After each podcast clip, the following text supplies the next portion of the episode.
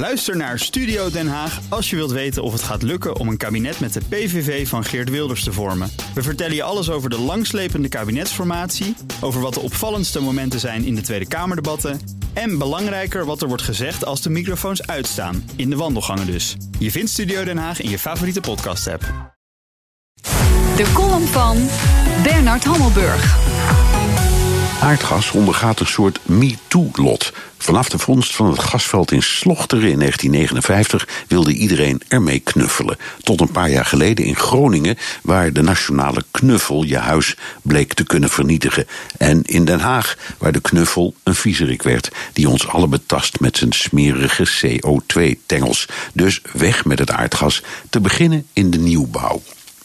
Die boze Groningers snappen we allemaal, dus slochteren sluiten is een goed idee. Maar stoppen met aardgas, ook import, dat snap ik niet. Ja, als de hele wereld dat deed, maar in Amerika, Azië en de meeste Europese landen wordt aardgas vergeleken bij olie en kolen nog steeds gezien als een knuffel.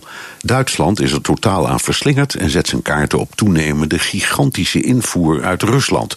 Ook België ziet aardgas als beste brandstof onder het niet hernieuwbare aanbod. Dus waarom moet je in een nieuwbouwwoning in Nijmegen of Woerden krankzinnige peperdure capriolen uithalen om je piepers te koken? Waar is de logica?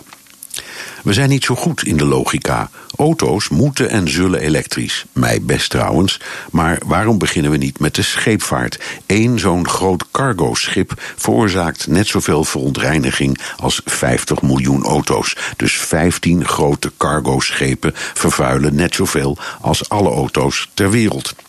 En dan de luchtvaart, een andere megavervuiler die niet onderdoet voor 's werelds wagenpark. Niet alleen CO2, maar ook zwavel en fijnstof.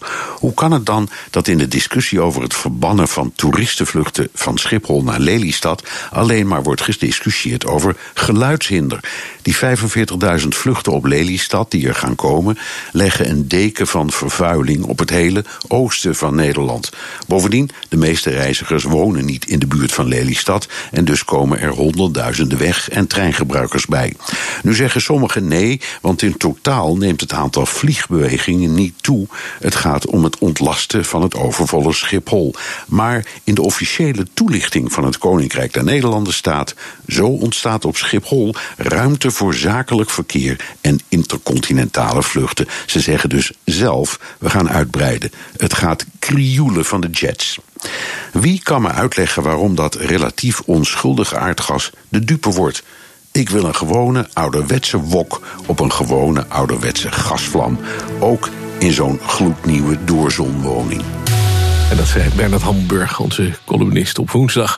En buitenlandcommentator uiteraard. En dan kunt u column teruglezen op bnr.nl in onze uh, app. Die kunt u trouwens gratis downloaden in de App Store. BNR heet die app. Heel ook Harm Edens vind je in de BNR-app. Je kunt BNR Duurzaam niet alleen live luisteren in de app, maar ook terugluisteren als podcast, zoals al onze podcasts. En naast dat de BNR-app Breaking News meldt, houden we je ook op de hoogte van het laatste zakelijke nieuws. Download nu de gratis BNR-app en blijf scherp.